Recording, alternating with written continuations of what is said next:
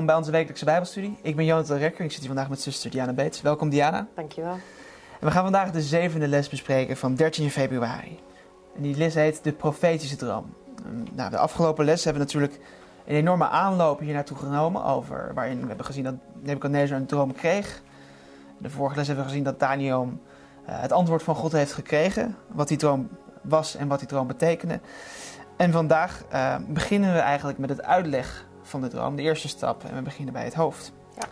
Nou, er zit dus aardig wat in. We gaan proberen om ook wat dieper in te gaan kijken over de betekenis van Babylon. En uh, wanneer dat allemaal begon en wat het betekende, die macht van, Daniel, van Babylon. En waarom Babylon het gouden hoofd is. Ja, voordat we daar dieper en verder over gaan spreken, gaan we eerst in gebed. Trouwe, liefdevolle Vader in de hemel. Het is in de naam van uw lieve Zoon Jezus dat wij met een dankbaar hart voor heilig aangezicht komen. Heer, we moeten danken voor het feit dat we hier toch weer een les met elkaar mogen doornemen. Heer, wilt alsjeblieft ook de kijkers zegenen. En toch ook Jonathan en mij, dat we toch woorden van u mogen spreken, heren. En dat we alleen maar uw waarheid mogen verkondigen. Wilt u bij ons zijn met deze les en wilt ons vooral veel zegen schenken. In Jezus' naam. Amen. Amen. De profetische droom. Ja. Ja. Nou, misschien goed om eerst even een, een, een recap te doen. Even kijken waar we, wat aan vooraf ging. Mhm. Uh, les 5 hebben we gezien dat nou, Nebuchadnezzar kreeg een droom. Die hield hem wakker. Ja. Die hield hem bezig. Zijn geest was erg verontrust, hè, weten we. Ja. Hij wilde Ehm, dolgraag de droom weten, de uitleg ervan, de interpretatie ervan. En Maar ja, zijn de mensen op wie hij vertrouwde, Ja. konden die hem helpen? nee, nee, nee, Nee. absoluut niet. Eh, en dan, ehm, wat we in de vorige les, in les 6 hebben gezien, is dat nou, Daniel krijgt van de koning een spijt. Ja. Om God te raadplegen. En samen met zijn vrienden bidt hij. Ja. En dan ehm, krijgt Daniel zelf in de nacht hetzelfde visioen. Ja, dezelfde droom de, inderdaad. pro- dezelfde profetische droom. En dan gaat hij naar de koning toe. En dan zegt hij, eh, wat zegt dan? Zegt die koning, nou, hey, Daniel, kan jij voor mij dan die droom nu eindelijk uitleggen? Ja. Nou, eigenlijk noemt hij hem zelfs nog bij zijn nieuwe naam. Hè? Ja, Kan je me de droom inderdaad uitleggen? En wat Daniel doet is echt heel bijzonder om, eh, ja, om te zien. Want die geeft eigenlijk meteen aan dat hij de droom niet kan uitleggen. Maar dat het alleen maar God is die dat kan, eh, ja. kan doen. En dat wist eigenlijk Nebuchadnezzar ook al. Want eh, Dat hadden dus de wijzen ook dat hadden de gezegd. wijzen ook gezegd. Ja. Ja. Die wijzen die hadden het pad al klaar. Die zeiden, ja, maar geen... Ja, alleen de goden die weten wat u heeft gedroomd. En die, hebben hun, die, die zijn hier niet bij onder ons. En dan, het mooie is dat eh, Daniel zegt, ik, voor, het is mooi om te lezen. De verborgenheid die de koning eist, kunnen de wijzen, de sterrenkijkers, de tovenaars en de waarzeggers de koning niet te kennen geven. Ja. En dan nu komt de geheugentekst ook voor deze week. Maar er is een God in de hemel die verborgenheden openbaart. Ja. Ik vind het ook zo mooi dat het ook elke keer is dat God degene is die die verborgenheden openbaart. Dus hij erkent dat ook echt. Hij herkent het gezag van, eh, van God. En, Precies. eh, hij gebruikt Daniel, dus dat is heel mooi om te zien in deze les. En dat God gebruikt Daniel ook heel, echt heel veel. Ja. Om zijn heerlijkheid bekend te maken onder de heidenen. Om zijn, vo- zijn volk profetieën te geven. Wij hebben nog steeds vandaag de dag over de profetie van Daniel. Ja. En dat is alleen omdat Daniel zich door God liet gebruiken. Ja. Dat Daniel heel veel van zijn karakter kunnen we leren. zijn nederigheid, zijn tact. Ja, echt zeker. Ja. Nou goed, we gaan naar de eerste vraag. Over de droom. Nou, waar dacht de koning aan toen God de, de koning die droom gaf? Ja, ik moest een beetje denken ook aan het eerste vers van hoofdstuk 2. Daar lazen we eigenlijk al, hebben we ook in Mhm. de eerdere lessen gezien, dat eh, eh, eigenlijk voordat überhaupt Nebuchadnezzar deze droom droomde, was hij al aan het, had hij al gedachten Ja. over wat er zou gaan gebeuren met zijn eh, koninkrijk. En wij zouden dat nu piekeren noemen, of je echt wel zorgen maken. En dat zien we eigenlijk nu in vers 29, zien we dat ook weer, eh, zien we dat ook weer terugkomen. Dus dat is een beetje dezelfde ja, manier, zeg maar. Dat we weten dat, dat nog überhaupt voordat koning Nebuchadnezzar een droom had, dat hij zich al zorgen maakte, al gedachten had over wat er met zijn koninkrijk zou gebeuren. Ehm, Ja, hij was ook een jong. Hij was, ja, hij was niet per se jong in de zin van leeftijd. Maar hij was, hij was net een nieuwe koning. Ja. dus alles, ja, je weet nog niet zeker allemaal hoe je koninkrijk zal gaan lopen. Je bent toch nog een beetje ja, een nieuweling, Ja, een beginneling. Je begint ermee. Ja. En het, ja, in die tijd, eh, als je net nieuw was, nou, dan kon je ook zomaar worden, omver worden geworpen als Ja. koning. Ehm dus hij had zijn, zijn troon nog niet bevestigd, eh, om in bijbelse termen te blijven. Ja. Ehm, dus ja, hij maakte zich ook echt, echt daar zorgen om. Ja. En ook van de toekomst, want ehm, we hadden het in de voorbespreking een beetje over. Hiervoor waren nou, de Assyriërs die waren gevallen, de, Ja. Jeruzalem was net belegerd. je- ja, het Judese koninkrijk was gevallen. Ja. Ehm, ja, en die had, wat hij allemaal gedaan, Ja. Nebuchadnezzar. Ja. Maar ja, wie zegt dat hij niet de volgende zou zijn? Ja, precies. En dan die angst dus ook dat hij de volgende zou zijn, ziet hij ook een soort van in die dromen die hij krijgt verwezenlijkt. Ja. Daar gaan we het zo wat verder over hebben, maar hij ziet, daar maakt hij zich zorgen om. Ja. Ja, en logisch, denk ik. Ik Ja. bedoel, als je net zo begonnen bent... Ik vind, ik vind het ook zo mooi om te zien dat we van de vorige lessen nog weten... dat eigenlijk hij dolgraag wilde weten wat de droom inhield. Mhm. En ook de uitleg ervan wilde hebben. Gaat Daniel een stapje verder en vertelt hem ook nog eens een keertje... dat ne koning Nebukadnezar gedachten had gehad erover. Dus dat was iets nieuws waardoor hij ook echt kon zien... Daniel die weet dit. Die, die, die weet meer dan enig ander wijze magier Ja. of wat dan ook. Eh, maar dat, was, dat had hij niet verteld aan iemand. Dat, die zorg had hij zelf... Hebben wij alleen maar gelezen in vers 1, maar die zie je dan nu vervolgens in vers 29 terug. Ik vond dat bijzonder om te lezen. Ja, het, is, het, het mooie is inderdaad, Daniel getuigt ervan dat het van God komt. Ja. Hij maakt het bij elke stap duidelijk. Precies. Ehm, en dat is ook om bij die 1b te komen. Welke reden gaf God diezelfde droom aan Daniel? Ja, niet alleen om het aan Nebuchadnezzar te vertellen. Nee. Dat was wel de achterliggende reden, maar God kon Daniel gebruiken. Ja. Ja, ja en dat Daniel, die, hij wist ook God dat Daniel hem zou erkennen als Ja. God in de hemel. En ook in dat hele land, in dat hele koninkrijk, waar juist de nadruk op wijzen en magiërs werd gelegd. Hè, dat mensen dromen konden uitleggen, want dat was in die tijd heel gebruikelijk.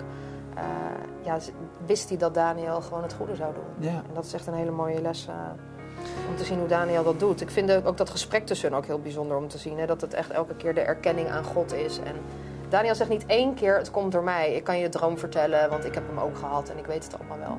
Dat doet hij allemaal niet. Nee, ja, sterker nog, het zegt in vers 30. Ja. Misschien kan je die tekst voorlezen. Ja, Ja, 2 eh, vers, vers 30. Zal ik voorlezen, inderdaad. In vers 30 staat: Mij nu, aan mij is deze verborgenheid geopenbaard. Niet door een wijsheid die in mij is boven alle levenden, maar daarom dat men de koning de uitleg ervan zou laten weten en dat u de gedachten van uw hart zou weten. Dus het had wel meerdere doelen, zeg maar, om deze droom Ja. door God aan Daniel te geven. En dat is het punt. Hij zegt dus niet, het komt niet omdat ik zo goed ben, Nee. maar het is Gods genade. Ja, En- zeker. Daar kunnen we van leren. Ehm, dat we kunnen als, eh, als wij iets doen waarvan we weten dat het God is die ons werkt, ehm, dan kunnen we in de positie komen waar we dus over God kunnen vertellen aan Ja. mensen die er nog niet over weten. Ja. Eh, en dat is heel mooi. En, maar dat brengt ook, is ook een beetje eng vaak. Ja. Brengt namelijk een bepaalde verantwoordelijkheid mee. Je weet dat je het eigenlijk over God moet hebben, maar soms wil je dan niet, want het voelt een beetje raar. Ja. Misschien is het moment voelt niet goed. Ehm, maar ja, Daniel die deed het ook. Ja, zeker. En die deed het niet. eh, Die heeft het gedaan, des no, de, notabene zelfs nog voor de koning die hem wilde doden daarvoor. Dus ik bedoel, wat een setting moet dat zijn geweest. Ja. En ja, ik wou toch nog even benadrukken dat, zeker bij deze vraag, hoe bijzonder het eigenlijk dus is dat ehm, eh, ook de gedachten en het hart van koning Nebukadnezar blootgelegd zouden worden. Het is echt, God wilde alles openbaren. ja. Eh, dus ook de houding van, van, eh, van Nebukadnezar. Dat had hij nodig. Dat, en dat zien we ook eigenlijk in die, in die droom terug. Ja. Eh, maar dat is eigenlijk de tweede vraag. Wat, wat ziet Nebuchadnezzar in zijn droom? Ja, en als je ziet hoe de Bijbel het beschrijft, is het echt allemaal heel groots, heel, heel, heel... Mhm. eh, hè, zie je een groot beeld, het beeld was hoog, de glans ervan was uitzonderlijk, het stond voor u. En de aanblik ervan was schrikwekkend. Dat is even het eerste gedeelte, zeg maar. Dat is, dat is best wel imponerend. Dat is best wel iets, iets... Ja, Het is, je kan je voorstellen als je dit leest dat het echt wel... Dat het iets was. Dat het niet even een... Zomaar iets is, zeg maar. het is ten eerste sowieso een, een, een afgodsbeeld, lijkt ja, het. Ja, Het komt, Nebuchadnezzar ziet namelijk een, een beeld. Ja. Ja, als afgodendienaar uh, nou, doet dat Het wel een belletje rinkelen. ja, het past goed in zijn straatje. Dus hij weet echt wel waar het over gaat. Inderdaad. En hij denkt van, nou, dat is eh, mooi. Het is van edelmetaal. Ja, Althans, de bovenkant. ja, Het is van metaal. Dus het is precies hoe, hoe een afgodsbeeld er eigenlijk in zijn hoofd eruit ziet. En dan verschillende lagen van, van goud, zilver, brons, ijzer en ijzer en leem. Ja. En het glanst mooi. Ja, Maar tegelijkertijd is het indrukwekkend. ja. ja, en dan kan ik me dus voorstellen dat je als je zo'n beeld ziet in je droom, dat je daar ook wel door ja, eh, van onder de indruk raakt. Dat dat best wel, eh, Ja, best wel heftig is om te zien. er zit hier natuurlijk ook een, een, een diepere laag in voor ons symbolisch. Ja. Want wat Nebuchadnezzar ziet is uiteindelijk wereldse macht. Ja. Hij ziet koninkrijk. Hij ziet eigenlijk de hele wereldgeschiedenis ziet Ja. hij zo aan zichzelf voorbij gaan, waar ja, eigenlijk de start wordt gemaakt met, eh, Met hemzelf. met hemzelf. Ja. En in waarde steeds minder worden. Ja. Ehm, het bijzondere is natuurlijk ook dat God hiermee ook een hint geeft aan Nebuchadnezzar. Ja. Ehm, want voor hem en voor de koningen die na hem kwamen, was macht, wat dit beeld eigenlijk voorstelt, een afgod. Macht, aanzien, trots. Precies. Ja, en dat, dat, dat, dat ging alleen maar in waarde, ging dat, werd dat steeds minder. En dat was dus ook niet blijvend. Nee. Hier wist echt nu Nebukadnezar, oké, mijn koninkrijk is tijdelijk.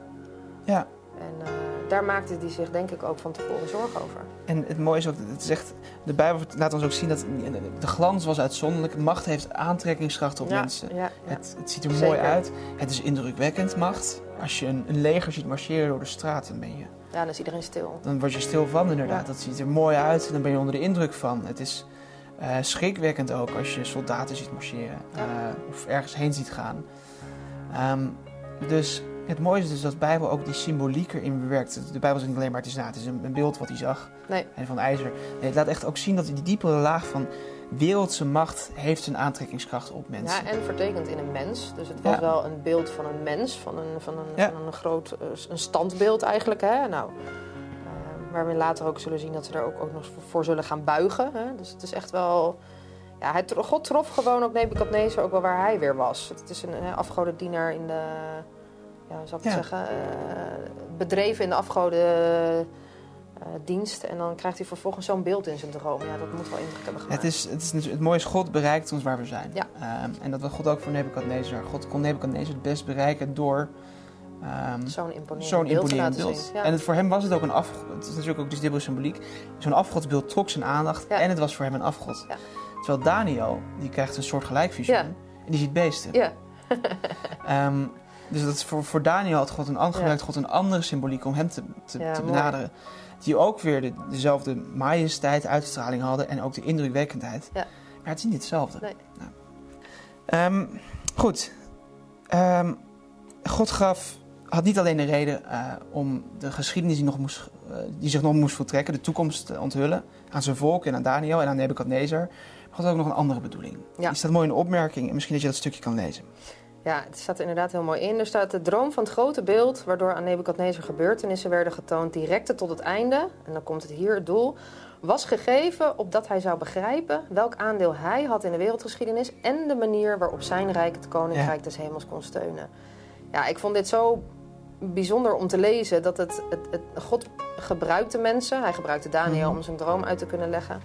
Maar hij gebruikt nu vervolgens hier ook alle aardse koninkrijken om uiteindelijk tot zijn koninkrijk te kunnen komen. Ja, En dat, eh, en dat is het mooie. God werkt graag samen met de mens om Ja. zijn doelen te bereiken. ja. Dat is het, eh, het voorrecht dat wij hebben is om medewerkers met God te zijn. ja, Ehm, maar ja, de droom gaat verder. Dus Nebuchadnezzar ziet dat beeld. Ja. En dan gebeurt er iets. En we gaan nu naar de derde vraag. Wat ziet hij dat er gebeurt? ja, eigenlijk ziet hij iets heel verschrikkelijks, heb ik opgeschreven. Want hij ziet dat alles eindig is. Dus er komt een steen, niet door Mhm. mensenhanden eh, vastgehouden. En vervolgens wordt dat hele beeld, dat imponerende, schrikwekkende beeld waar we het net over Ja. hebben, wordt aan zijn voeten getroffen van ijzer en leem en verbrijzelt alles. En dat alles wordt verbrijzeld, is dat, dat er wordt nog eens herhaald dat het ijzer, het leem, het brons, het zilver, het goud wordt tegelijk verbrijzeld en wordt zo poef, zo Dus het, raakt het aan de, aan de aan de voeten. onderkant, Ja. aan de voeten. Dus het, het begint, het, het raakt het dus eh, in onze tijd. Ja. namelijk in die tijd. Ja. Dat is wanneer het gebeurt. En alle macht, wereldse macht die alles dit beeld voorstelt, Ja. verdwijnt. Ja, ja, En het wordt weggeblazen als kaf op een zomerdorsvloer. ja. Ja, mooie analogie je net toegaf. Het is alsof de prediker ons, ons zegt, het is allemaal ijdelheid. Ja. Want in het Hebreeuws, dat woord ij- ijdel in het Hebreeuws heeft ook iets te maken met wind of vluchtigheid. Ehm, Ja, en er staat vervolgens, er zou geen spoor van teruggevonden worden. Oftewel, het is, die hele wereldgeschiedenis die kennen we, die is er. Dus Ja. wij zitten er nu middenin, maar het gaat weg. Het, het, het, er blijft niks van over, helemaal niks. maar er komt wel iets voor in de plaats. Ja, iets waanzinnig moois. ja, en de, want de steen die het beeld getroffen had, nou, we weten, in de Bijbel zien we vaak dat de steen Jezus Jezus voorstelt. is, ja. dat, dat weten we nu niet zo direct, maar het is wel aannemelijk, want Jezus is de hoeksteen. Ja. Jezus is de rots waar de gemeente op gebouwd is. Het is een steen zonder mensenhanden, Ja, nou ja, die De- bestuurt dus God doet wordt. het. Dus God doet het, wij kunnen dat niet doen. En het is ook, de Bijbel vertelt dus ook, daar komen we misschien zo meteen nog even op, dat Jezus uiteindelijk alle wereldse macht wegneemt. Dus Jezus die zelf terugkomt, die een einde maakt aan alle heerschappij en macht. Ja. Ehm, en uiteindelijk Jezus koninkrijk omvat uiteindelijk de hele aarde. ja, het wordt een grote berg en vulde de hele aarde. Dus het is, Dat is nog meer imponerend hoor, kan ik je vertellen, als je zoiets Maar ja, leest. ogenschijnlijk lijkt het minder waardevol. Ja, ja, Want ja, het is maar steen. Ja. Vanuit, vanuit het perspectief van mensen heeft het minder glans. Ja. Eh, van, voor zoals we nu zitten, heel veel mensen denken dat wereldse macht Ja. mooier is dan de belofte van het Nieuwe Jeruzalem. Ja. Terwijl als je iets verder doorleest, dan zie je dat daar de straten van goud zijn. Ja. Dus ja. Ehm, maar het is natuurlijk weer vanuit het perspectief, ook toen Nebuchadnezzar zo was, het, het lijkt een minder goede deal Ja. voor heel veel mensen. Ja. Maar uiteindelijk is het een veel betere. ja, de beste. Het is de beste deal. Ehm, wat we hier zien, dat God een einde maakt aan alle wereldse macht. Het leest, vertelt apostel Paulus ook mooi in 1 Korinthe 15, vers 24 en 25. En hij zegt, daarna zal het einde zijn wanneer hij het koninkrijk aan God en de Vader zal overgegeven hebben. Wanneer hij zal al, teniet gedaan hebben alle heerschappij en alle macht en kracht. Want hij moet als koning heersen tot hij al zijn vijanden onder zijn voeten zal gelegd hebben. En de laatste vijand die Jezus teniet doet is de dood, zegt hij. Dus het is uiteindelijk wanneer Jezus terugkomt, en uiteindelijk wanneer hij zelfs de derde keer terugkomt, uiteindelijk komt Jezus de derde keer terug, namelijk na de duizend jaar, ehm, dan zal alle wereldse macht, ook. Bij zijn, bij zijn tweede komst al, maar ook met name bij die derde komst, wanneer hij een einde maakt aan de hele aarde, wanneer de aarde ook gelouterd wordt door het vuur, het wordt allemaal niks. Ja. Het is allemaal niks waard. Ja, en alsof het gewoon nooit bestaan heeft. Hè? Ja. Het is, alles wordt helemaal weggevaagd. Het- Ja, kan je eigenlijk bijna niet voorstellen. Maar er komt iets moois voor in de plaats. Ja. En dat eh, zien we ook in het boek Openbaringen terug. Ja. We gaan door naar de vierde vraag. Ehm, het hoofd van goud. Wat stelde het hoofd van goud voor? Ja, wat het voorstelt is het Babylonische Rijk. Ja. Maar wij lezen ook dat Nebukadnezar dat gouden hoofd was. En hij stond op dat moment aan het hoofd, eh, was hij het hoofd Mhm. van het Rijk. Dus ja, over een imposant Rijk gesproken. Ik heb nog opgeschreven dat het een heel wetenschappelijke beschaving was. Er was heel veel goud aanwezig. Goud was ook het metaal eh, op dat moment in het Rijk. Dus dat correspondeert ook mooi met, eh, met de metaalsoort in de droom, zeg maar. Het was ook, eh, voor zover we weten, de eerste, eh, de eerste geschreven wet natuurlijk na, buiten de Bijbel, maar in de, in de archeologie, Mhm. de, de codex van Hammurabi. Ehm, het was waarin je ook veel trouwens terug ziet trouwens ook van wat eh, de goddelijke wetten die we terugzien in tien geboden ook. Ehm, maar in heel veel opzichten was het ehm, an- andere beschavingen vooruit. ja. Ehm, in verstedelijking, hoe administratieve dingen deden. Net zoals Egypte dat ook was, eh, Ja. in hun eigen gebied, was, was Babylon dat eh, in, in hun domein. Ja. Eh, alleen geschoten is Egypte voorbij. Ja. En met name ook echt in wetenschap, ja. Ja. Het, we gebruiken nog steeds een cirkel van 360 graden, omdat de Babyloniërs dat ooit hebben bedacht. Ja. Ehm, Ja, het was een slim volk, het was een rijk volk. We lezen het ook in de opmerkingen. Ik karaktervorming. God maakte. Babylon groot, opdat het dit doel zou verwezenlijken. Het volk leefde in voorspoed, totdat het een hoogte van rijkdom en macht bereikte die nadien nooit is geëvenaard. Dus je ziet hier ook echt dat... We hebben eerder al gezegd dat die metalen afnamen in waarde. En dat zie je dus eigenlijk hier ook. ja. En het wordt in de schriften zeer terecht voorgesteld door dat geïnspireerde symbool, een gouden hoofd. Dat, het is een, God heeft het volk rijk gemaakt. En, en, en aanzienlijk. Ja.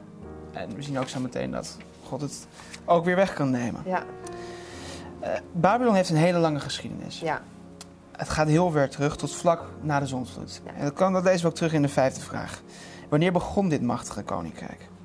Ja, we lezen dan in Genesis 10 dat het eigenlijk begon ook eh, in de situatie bij Nimrod. Dat Ja. was een, eh, eh, een geweldenaar op aarde. En ehm, ja, daar, daar, het begin van zijn koninkrijk, we lezen het eigenlijk al meteen, bestond uit een aantal eh, steden. En dat was onder andere Babel. Ja, en dit is dus twee generaties na Noach. Ja. Want Cush was van Gam. Ja. En Nimrod was weer eh, van Cush. Ja. Ehm, het grappige is dat als je dan terugrekent vanaf Abraham. eh, want Abraham komt natuurlijk na Nimrod, maar we weten bij Abraham dus kunnen we al die jaartallen terugrekenen tot Noach. Ehm, dat als, je dat onge- als het ongeveer gelijk zit qua generaties, dat ehm, Babel volgens de Bijbel rond 22, 2300 voor Christus is gesticht Ja. door Nimrod. En het bijzondere is dat de archeologische vondsten die er zijn tot nu toe, eh, voor zover archeologen hebben, zich hebben uitgesproken over het moment waarop Babel werd gesticht, is het ook ongeveer rond tussen 2100 en 2300 voor Christus plaatsen, de stichting daarvan. Dus dat ook hier in de Bijbel parallel loopt met de archeologie. Ja. Ehm, vervolgens, uh, dus Nimrod, de, die wordt een geweldenaar genoemd. Was, nou, dat betekent wel dat hij gewelddadig Precies. was in zekere zin. Hij was machtig. Ja. Groot. Ook weer iemand met aanzien, hè? een groot, uh, groot man. Precies, hij was juist hij was een, een opstandig persoon tegenover ja. God. Ja. Uh, ze stichtte Babel, die zelf, wat zelf een opstandige stad werd, met de toren van Babel. Um, en in, tweede, in 1500 jaar tijd ongeveer groeit Babel uit tot een ongelooflijke, ongelooflijke machtige, machtige rijk. Ja. Um, en onder wie was dat hoogtepunt van macht? Ja, onder Nebuchadnezzar. Ja. En dat lezen we in Daniel 4. En dan zie je ook meteen hoe verschillend Nebuchadnezzar is ten opzichte van Daniel. We hebben al vastgesteld dat Daniel heel nederig was mhm. en altijd God de eer gaf. Daniel en Nebuchadnezzar hebben dat gesprek met elkaar gevoerd. Dus Nebuchadnezzar weet ook waar zijn macht vandaan komt. Hij weet ook waar het voor bedoeld was. En dan gaat hij vervolgens, dan, dan stelt hij, uh, terwijl hij aan het wandelen is op het dak van zijn eigen koninklijk paleis, neemt hij het woord zegt: Is dit niet het grote Babel dat ik als een huis voor het koninkrijk gebouwd heb, door mijn sterke macht en ter ere van mijn majesteit? Terwijl we weten dat dat niet klopt. Want het was God uh, die het uiteindelijk allemaal toestond en toeliet. En ja, je, wat een verschil tussen zo'n nederige man als Daniel en tussen nu zo'n zo'n zo'n trotse, zelfverheven. Hij gedraagt zich wel weer als een gouden hoofd. Uh, ja. Ja, uh, afgoden, dienaar, koning die denkt dat hij alles is. Ja, in dit geval is hij zijn eigen afgod. Ja. Um, maar het punt is, vanuit wereldsperspectief heeft hij wel enigszins gelijk. Ja, zeker. Um, althans, vanuit wereldperspectief. Het is eigenlijk God die hem het allemaal heeft gegeven. Maar ja, hij onder Nebuchadnezzar was Babylon enorm machtig geworden. Ja. Um, ja, onder zijn vader ook deels. Was Assyrië gevallen, Jeruzalem was gevallen. Ja. Um, en Nebuchadnezzar heeft ook op architectureel gebied heel veel bereikt. Ja. Maar hij ehm, wist dat het eindig zou zijn. Dat wist hij. Ja, maar ja, dat negeerde hij. Maar ja, dat negeerde hij wel even. Ja. Um, een van de zeven wereldwonderen zijn de, zijn de hangende tuinen in Babylon. Ja. En die heeft Nebuchadnezzar aangelegd. Ja. Um, dus hij had ook van Babylon... Babylon was, Babylon was een hele machtige... van gemaakt, zeker. En een mooie stad. Ja. En onder zijn regering werd het nog mooier. Ja. Een zegen van God, een gave van God natuurlijk. Uh, maar ja, dat, dat weiger ik maar even in te zien. Ja, precies. Ja. Um, in de Bijbel zien we ook dat... Wat, wat, hoewel Nebuchadnezzar zichzelf hier verheft... Uh, nogmaals, er zit een kern van waarheid in, want het gebeurde onder zijn regering door Gods genade. Dat wordt ook door de Bijbel zelf erkend. En onder andere de profeet Jezaja schrijft erover. En dan gaan we naar de zesde vraag. Babylons glorie, achteruitgang en val. Ja. En welke uitdrukking gebruikt uh, nou, de profeet Jezaja om Babylon te beschrijven? Dat is eigenlijk heel mooi. Als we gewoon starten in Jezaja 13, vers 19, dan denk je wauw. Ja. Het is het Babel, is het sieraad van de koninkrijken, de luister en de trots van de Galdeën. Nou, vooral de eerste zin natuurlijk het sieraad van de koninkrijken. Dan denk je, nou, dat is... Dat is wel mooi. Ja, het, dus het sieraad van de koninkrijken zijn al mooi. Dat zien we in die droom. Ja. Goud. Goud maar Babylon is het zelfs het sieraad. Precies. Um, de luister en de trots van de Galdeën. Ja. ja, dat is echt wel iets. ja, het is natuurlijk ook enigszins spot van God. Want het is natuurlijk allemaal betrekkelijk. Mm vanuit, voor, voor, vanuit Gods perspectief. Ja. God kan maar straten van goud maken uit niets. Ja. Um, dus, maar voor ons mensen, apostel Paulus zou zeggen, vleeselijk gesproken, um, was is het prachtig. indrukwekkend Aanzienlijk, prachtig. ja, prachtig. Aanzienlijk. Je mond valt ervan open. Ja. Maar ja, dat gebeurt ook als je naar het einde kijkt. Ja, zeker. Nou, dat, daar mijn mond echt letterlijk van open hoor. Want uh, dat had ik me nog niet zo gerealiseerd toen ik dit las. Want ja, wat is het einde ervan? Ja, dus dan gaan we eigenlijk naar de zevende vraag. Het einde is gewoon dat het, het is nietig. Er, er is niks meer straks. Ja. Uh, straks uh, dus al. En we lezen het ook in uh, vers 19 tot 22. Dus we hebben eerst vers 19a, daar staat het eigenlijk heel prachtig beschreven. En dan daarna bam. Niemand zal er verblijven, nooit meer. Niemand, van generatie op generatie zal er wonen. Geen Arabier zal er zijn tent opzetten, geen herder zal daar neerstrijken. Dus dat gaat over de mensen alleen maar al. En dan vervolgens, wie zullen er wel neerliggen? Wilde woestijndieren, nou, ook niet de meest uh, gezellige dieren, dacht ik gisteren. Maar hun huizen zullen vol zitten met huilende uilen. Struisvogels zullen er wonen, bokachtigen zullen er rondspringen. Hyena's zullen janken. Nou, het is gewoon een en al. Van, van prachtig sieraad naar één grote machtige heerschappij, naar, naar verlaten ja. woestenij. Niks meer om te kunnen leven. Dat, dat blijft er over. En dat, dat is wat, wat God ook laat zien met dat beeld, met, met de beschrijving van Babel. Het is tijdelijk, het is aards, het is nietig, het, is, het heeft geen vaste grond. Het bijzondere is natuurlijk dat Babel hier ook symbolisch, uh, ook in zekere zin het geestelijk Babel, Ja. de rol lijkt te vervullen. Want het is ook het, het gevolg voor het geestelijk Babel of de mensen die niet worden gered op deze aarde, de wereldse Ja. macht van deze aarde. Ja, ook als je kijkt, leest in de Bijbel, tijdens het millennium Ja, is de aarde ook zo verlaten. ja, Ook zo leeg. Ehm, dus ook alsof er niets is. Ja. De, de Bijbel beschrijft dat er vogels rondzwerven om eh, de, de lijken op te lijken pikken. op te pikken, ja. Ehm, en als je het ook ziet, het, God het zal- zijn als toen God ondersteboven keerde Sodom en Ja. Gomorra. Ja. Nou, Oftewel, het is het weg. vuur en zwavel, die symboliek zien we daar natuurlijk ook in terug. Ja. Dus het God, God oordeel over Babylon. We zien eigenlijk in deze profetie dus ook een, een soort van onderste laag, een parallel met de, nou, hoe God ook deze aarde zal reinigen. Ja.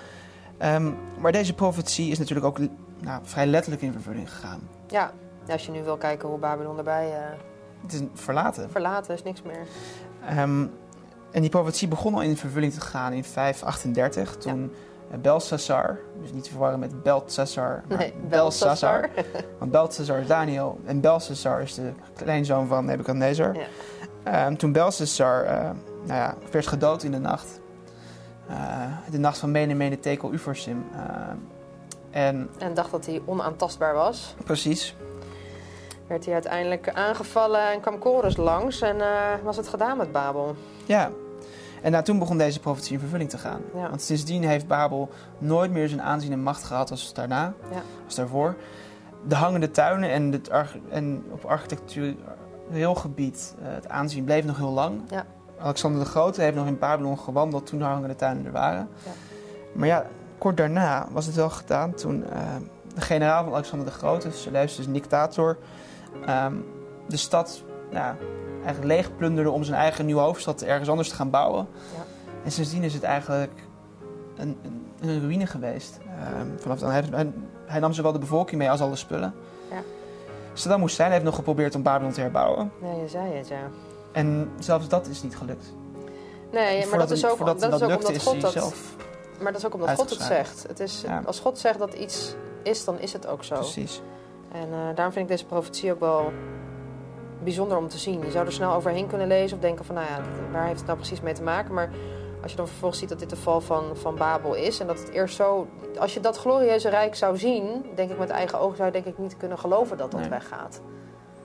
En zeker niet als iets zo goud is. Je denkt echt wel dat dat soort dingen blijvend zijn. Dat is, maar ja, we kunnen nergens op vertrouwen, Ja. behalve op, eh, op Gods koninkrijk ja, had je nog iets anders toe te voegen bij deze les? Ik denk dat de conclusie van de les vooral is inderdaad, wat jij net zegt. Aardse dingen vergaan.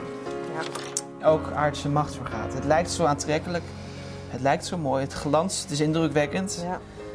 Maar er is eigenlijk één iemand die uiteindelijk aan alle touwtjes trekt. En dat is God. Gelukkig God maar. geeft de macht en God Ja. neemt het weer weg. Ja. Ehm, het is belangrijk dat we dat beseffen eh, voor onszelf. Waar, waar wedden we op? Wedden we op wereldse macht? Of wedden we uiteindelijk op goddelijke macht? Denken we dat het goed is zoals we het nu hebben? Of gaan we op weg naar een hemels Canaan, waar het beter is? Ja. Mijn mensen gebed voor u is dat u die laatste keuze mag maken. Dat u mag kiezen voor het eeuwige leven en niet voor het wereldse. En dat God u daarin mag leiden. Amen. En ik wens u Gods rijke zegen en ik zie u graag de volgende keer. En als u deze studie mooi vond, eh, dan vraag ik alsjeblieft om op de like-button te klikken en u te abonneren op dit kanaal zodat u nu heeft gedaan en de notificatiebel aan te klikken. Zodat u de volgende keer wanneer er een video komt weer een berichtje krijgt daarover. En u geen enkele video mist, maar zou ook ons kanaal helpen om nog meer mensen te bereiken. God zegen en graag tot ziens.